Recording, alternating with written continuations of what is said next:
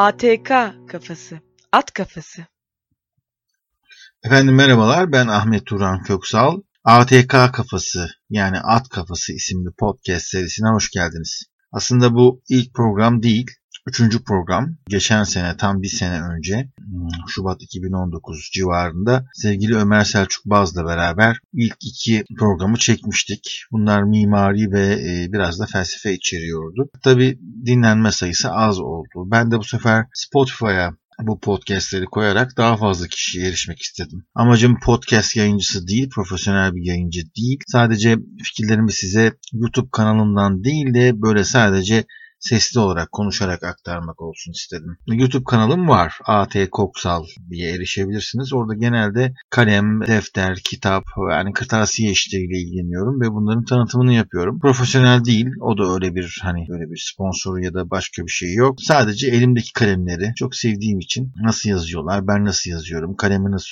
kağıdı nasıl tutuyorum ya da el yazınızı nasıl düzeltirsiniz başlığı altında sizlere sunuyorum. Belirli bir kitlesi oluştu. Çok az bir takipçisi var. 4000 küsur takipçisi var ama olsun. Sevenler oldukça fazla seviyorlar. Yorumlardan anlıyorum. Sonra yine bu YouTube kanalında ifşa meselesiyle ilgili felsefe yaptım. Fakat o çok tutmadı ve ben de onları kaldırdım. E bunun dışında işte Ahlat Ağacı gibi filmlerin izler izlemez yaptığım yorumlar da vardı. Onlar dinlendi mi dinlenmedi mi bilmiyorum ama Nuri Bilge Ceylan'ın kendi sitesinde basın bölümünde her ikisinin de filmden gelir gelmez yaptığım yorum ve arkasına daha uzun yorumun da linkinin verilmesi benim için büyük bir övünç kaynağıydı. Bu mikrofon karşısına ilk geçişim değil. Bundan yıllar önce yani 1997 yılında e, Açık Radyo ilk kurulduğu zaman Açık Radyo'da iki dönem, iki yayın dönemi Cereyan isimli bir programı yapmıştık arkadaşlarla beraber. Kalabalık bir kadroydu. Ama sonlara doğru tek ben kaldım. Nasrettin Hoca'nın Timur'un huzuruna çıkması gibi oldu biraz. Ama ben severek yaptım. Çok çok isteyerek yaptım. Bu Cereyan isimli program bilgisayar teknolojileri üzerineydi. Jingle'ı çok güzel bir jingle'ı vardı ama ne jingle'ının ne de başka bir kaydı tutamadım. Böyle bir kayıt almıyorlarmış. Bulamadım yani. O böyle e, eriyip gitti. Radyoda yayınlandı. Dinleyen dinledi. Tanıdığım bir tek dinleyici vardı. O da Turfan Kırtasiye'nin sahibi Ruhi Turfan. Beni sesimden tanıdı. Bir gün onunla alışveriş ederken radyo programını dinliyorum. Çok güzel dedi. Bu da benim için başka bir övünç kaynağı oldu. Ruhi Turfan e, arkada hep açık radyo dinliyormuş ve beni de oradan bulmuş sesimden. İnanılmaz bir şeydi. Onun dışında başka bir dinleyiciyle karşılaşmadım. Benim radyo programı yaptığımı artık kimse bilmiyor. Sadece şimdi gerekli oldu diye Açık Radyo'dan bir belge aldım. Böyle iki dönem program yaptığıma dair Ömer Madra imzalı başka da bir kanıtım yoktur. Şimdi öyle mikrofonun karşısına geçip önceden hazırlanmadan aklınıza ne varsa tekrarlayınca o podcast olmuyor. Dinlenir gibi de olmuyor olmuyor. Dinlediğim bütün podcast yayıncısı, podcast yapanlar oldukça planlı programlı. Önceden ne diyeceklerini tamamıyla bilen, işlerini iyi yapan, içeriği iyi oluşturan kimseler. Örneğin Immanuel Tolstoyevski'nin podcastlerini çok beğeniyorum ki yazılarını da çok beğenirdim. Onun dışında Nilay Örneğin podcast'i var nasıl olunur diye. Da çok iyi dinleyemiyorum. Daha çok Immanuel'i dinliyorum. Bunlar benden daha iyi podcast yapıyorlar. Ama ben genel bilgiler vereceğim. Önce bu ilk e, programda biraz kendimden bahsetmem gerekiyor gerekecek. Çünkü nasıl bir podcast serisiyle karşılaştığınızı bilmeniz lazım. Şimdi mesela benim taktığım konuların başında ifşa meselesi geliyor. Bir hanımefendi var Trabzonlu. Erkek arkadaşıyla beraber link falan içiyor. Onun ismini unuttum bulurum. O, onunla başladı. Nasıl kendini ifşa ediyor, ifşa etmekle ilgili bir şey. Sonra tabii bu ifşa meselesi yeteneksiz misiniz programı. İşte şu talent show var ya tüm dünyada olan Türkiye'de de format aynı. Yani yetenek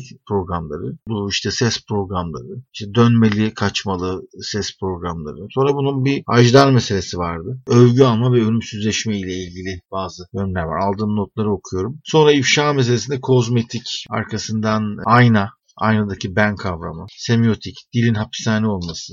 İfşa meselesi tamamıyla önemli bir konu. Yani 10 tane 15 tane program yaparım onunla ilgili. Ve bu işin felsefesine bakarız. Sonra arkasından bir gün simülasyon teorisi, amaka hayal üzerine konuşmak istiyorum. Futbol, fanatiklik ve buradaki ifşa meselesi. Sonra fotoğrafın hikayesi, fotoğrafla ilgili bir şeyler yapmak istiyorum. Sinema podcastlerimiz olacak. Sinema bölümlerimiz olacak. Tamamıyla unformal. Sinema hakkında konuşmak tabii Netflix ve diğer yeni tür on demand e, sinema ve dizi yayınlayan yerler. Sen beni yanlış anladın muhabbeti var. Karşı tarafta istediğini deyip arkasından itiraz ettiği zaman abi sen beni yanlış anladın, sen beni yanlış anladın diyenler var. İfşa meselesinde marka, marka olmak veya strawman üzerine duracağız. Sonra tabii tüm Türkiye'nin hafızasını bir şekilde oluşturan Gezi Parkı meselesi üzerinden duracağız. Az siyasete karışarak ama siyasetsiz düğün de olmaz, durum da olmaz, dünya da olmaz. Tabii biraz gireceğiz. Bu yeni çağın yeni dertleri üzerine, the first world problemlar üzerine duracağız. Problemleri üzerine duracağız. Efendim sonra bu ergenlik çağı gibi sıkılmanın verdiği korku, endişe yani eğlencesiz kalmanın verdiği soluksuzlanmadan bahsedeceğim. Yani bu iPad'lere, iPhone'lara, normal Android telefonlara ya da elimizdeki akıllı aletlere ekran bağımlılığına nasıl gittiğimizi gösteren bir şey. Benim çok bahsettiğim bir konu var. Cahillik mutluluk mudur, değil midir? Bunun gibi durum var. Bir de arkasından yine ifşa meselesinde ulaşılamama özgürlüğünden bahsedeceğiz. İleride Mimar Sinan hurafeleri ve diğer İstanbul efsaneleri Ayasofya hakkında bilgi vereceğim. Tabi bunlar olurken de Netflix'in e, iki sezon çekilen Hakan Muhafız'ın Ayasofya'yı nasıl tükettiğini, Atiye'nin de Göbekli Tepe üzerinden nasıl ekmek yediğini göreceğiz. İşte can sıkıntısından bahsetmiştim. Başarılı olmak, ünlü olmak, işte gelişim kitapları, mutluluk, işini iyi yapmak, girişimcilik, veya geçici girişimcilik nedir onlara bakacağız. Diziler hakkında konuşacağız. Daha çok İngiliz dizileri. Çok müzik bilmem. Müzik konusunda iyi değilim ama biraz Barış Manço ve şu Anadolu Rock'ı biraz bakabiliriz. En sonunda tabii eğitime geliyoruz. İşte öğrencilerin eğitiminde bu akıllı tahtalar, tabletler, nasıl etki oluyor, etki ediyor diye. Ve dönüyor dolaşıyor. En sonunda eğitimden sonra da iş kitaba geliyor. Benim 5 tane kitabım var. Bu kitaplardan ilk üçü internet, ilk ikisi internet üzerine. İnternet sizden korksun ve kim korkar internetten. Pusula yayıncılığın çıkardığı bu Amerika'daki For Idiot serisine yakın bir dizidir. Çok tuttu. Sanırım Türkiye'nin ikinci internet kitabıydı. Birincisi TÜBİTAK'ın ders notu gibiydi. Onu kitaptan sayarsak eğer benimki ikinci kitaptı. 560 sayfa civarında. Yanında CD vardı. Kitabın yanında CD veriliyordu. O üç baskı yaptı. Sonra Kim Korkar internetten daha hafif bir internet, üç yazarlı bir e, kitaptı. Onu yazdım. Arkasından da SketchUp'ı yazdım. SketchUp e, Türkiye'deki tek e, Türkçe kitap SketchUp üzerine. O zaman Google'da şimdi Trimble'ın. Ve ondan sonra iki tane roman yazdım. Bu romanlar bir tanesi Ustura ve diğeri Tuhafiye'deki Hafiye. Bunlar hakkında da konuşuruz. Sonra kitap yazmayı durdurdum. Beyinle ilgili, beynin yapısıyla ilgili bir kitap istenmişti. ısmarlama. Fakat ben nöroloji uzmanı değilim, nörolog değilim, beyin cerrahı değilim, doktor değilim, tıp adamı değilim. Beyin gibi çok karmaşık bir organ üzerine böyle bir kitap yazmak bana biraz zor geldi ama sonraları alıştım çünkü zaten e, kitap da bir tıp kitabı değildi. Yani beynimizin %15'ini kullanıyoruz. Beynimizin eğer %60-70'ini kullansaydık çok iyi olurdu denen bir ortamda ki böyle bir şey yok. Benim araştırarak bulduğum derlemeler beyinle ilgili yani gençler için beyin kavramı iyi olabilirdi. O basılmadı ama bana çok faydası oldu. Sonra arkasından Mustafa Arslantoğlu'nun Teknopolis isimli kitabı çıktı. Onu okudum. Ee, benim de yarım bıraktığım bazı kitaplar var. Bir zamanlar Anadolu'da isimli film için bir muhtar sahnesini tanımlayan 100 küsur sayfalık bir roman yazdım. Onu düzeltip Google kitaplara koyacağım. Yazdığınız şeyin basılması gerekmiyor. İnternet büyük mecra. Hatta hatta böyle paranızı verin, kitabınızı basalım. Kitap mı yazdınız? Getirin basalım diyen. Editörlük hizmeti veriyorlarmış. Efendim sınırsız baskı garantisi veriyorlarmış. Büyük kitap evlerine ve DNR'a vermeyi taahhüt ediyorlar. Editörlük taahhüt ediyorlar. Bir de telifin %40'ını veriyorlar galiba. Valla ben parayla kendi kitabını bastırana yazar demiyorum. Bu iş parayla da alakalı değil. Yani bir arz talep meselesi. Kitabınıza bir talep olacak ki e, ya da bir öyle bir arz yaratacaksınız ki talebi de yanında koyacaksınız. Siz şimdi talep oluşturmadan arzı hem yazarak hem de arkasından basarak piyasaya sürüyorsunuz. Piyasaya süremiyorsunuz. Yani o firmalar DNR'a ne kadar kitap verirler? DNR bütün AVM'lerde çok ciddi kira veriyor. O rafların her birinin bir bedeli var. Yani tanesini 5 dolara alıp da e, burada 200 liraya sattıkları peluş oyuncağın yerine sizin kitabı koyacaklar da o kitap satacak da para kazanacak. Kaç ay tutacak raflarda sizin kitabınızı DNR? DNR zaten bir tekel Türkiye'de. E, böyle sıkıntılar var. İşte yayıncıların dertleri var. Yeni yazarların çıkması neredeyse imkansız. Bu konularda konuşacağız editörlük hizmeti verdiklerini söylüyorlar ama editörlük de öyle oluyor. Onu bırak online satış maceralarından satacağız diyor ki kendi sitesine koyuyor. E, sınırsız satış, sınırsız basma garantisi tabii ki verir. Çünkü eğer kitap bin tane basılır da arkasından 800 tane satarsa İkinci baskıyı adam size sormadan yapar. Yani yayıncı size sormadan yapar. Çünkü o iş para kazandırıyordur. Türkiye'de kitabınızın çok satması için muhakkak ünlü olmanız. Ünlü olmadan yani o, o şeye girmeden o filtreyi, o zarı yırtamıyorsunuz. Yeni romanlar yazıyorum. Yeni devamlı şeyler yazıyorum. Şimdi yine ısmarlama bir istek var. Onu yapabilecek miyim bilmiyorum. Mimarlık ve gelecek üzerine. Onu becerebilsem çok daha iyi olur. Tabii bunun için podcast yapmamam gerekiyor. Ama bunun da bir güzel tarafı var. Yani ben bana sordular. Yani sen bilabeder bu kalem işini niye sunuyorsun? Hatta biraz dalga geçtiler de aslında. Yani hmm, YouTuber mı oldum bu yaştan sonra?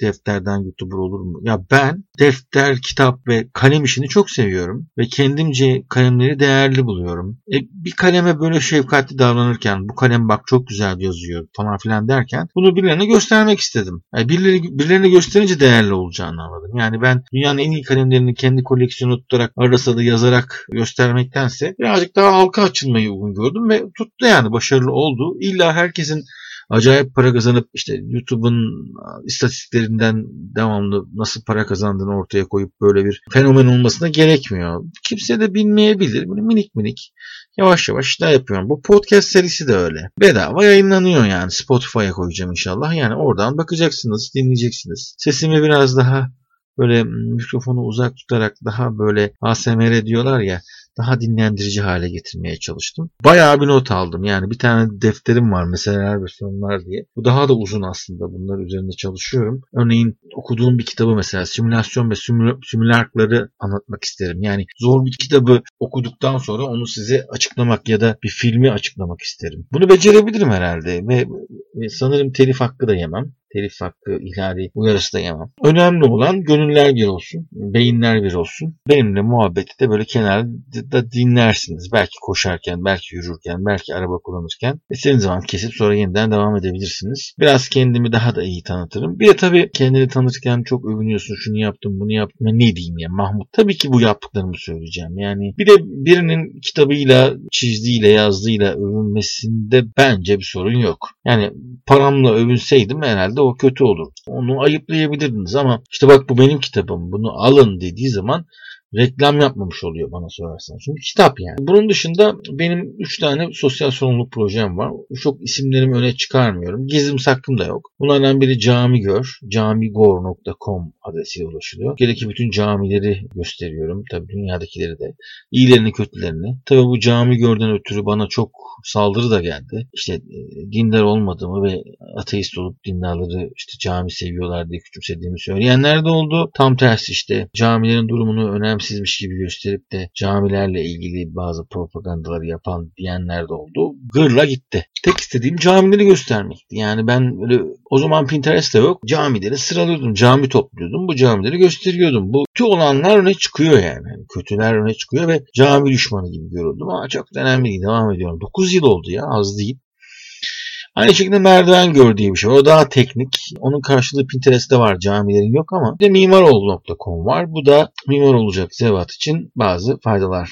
Hep aynı sorular geliyor. Mimarlık nedir? Mimarlık yazayım, eczacılık mı, pedagoji mi yazayım? 50 kere cevapladım. Ben diyorum ki siteyi okuyun. İşte bir gün birisi soru sormuş. Siteyi okuyun, siteyi okuyun falan diyorum. Birisi dedi ki siteyi ne okuyacağız? Ya özet geç dedi. Bu kadar kolay e, ağzıma düştü diyor. Dediğim gibi zamanın ruhuna uygun olan şey hızlı, hap gibi verilmesi gerekiyor. Eğer eğer verilmiyorsa hemen kullanıcı veya tüketici sıkılabiliyor. Tüketici sıkılmasın diye de takla atarsanız da saçma bir içerik yaratan e, güruha giriyorsunuz. Şimdilik kafanızı böyle ağrıttım. İnşallah sever beğenirsiniz ve devamı gelir. Ben bu podcastleri haftada bir olmasa bile işte bir 10 günde 15 günde bir yapmayı düşünüyorum. E, yeter ki siz de sevin, siz de devam edin. Teşekkürler. Bir dahaki bölümde görüşmek üzere.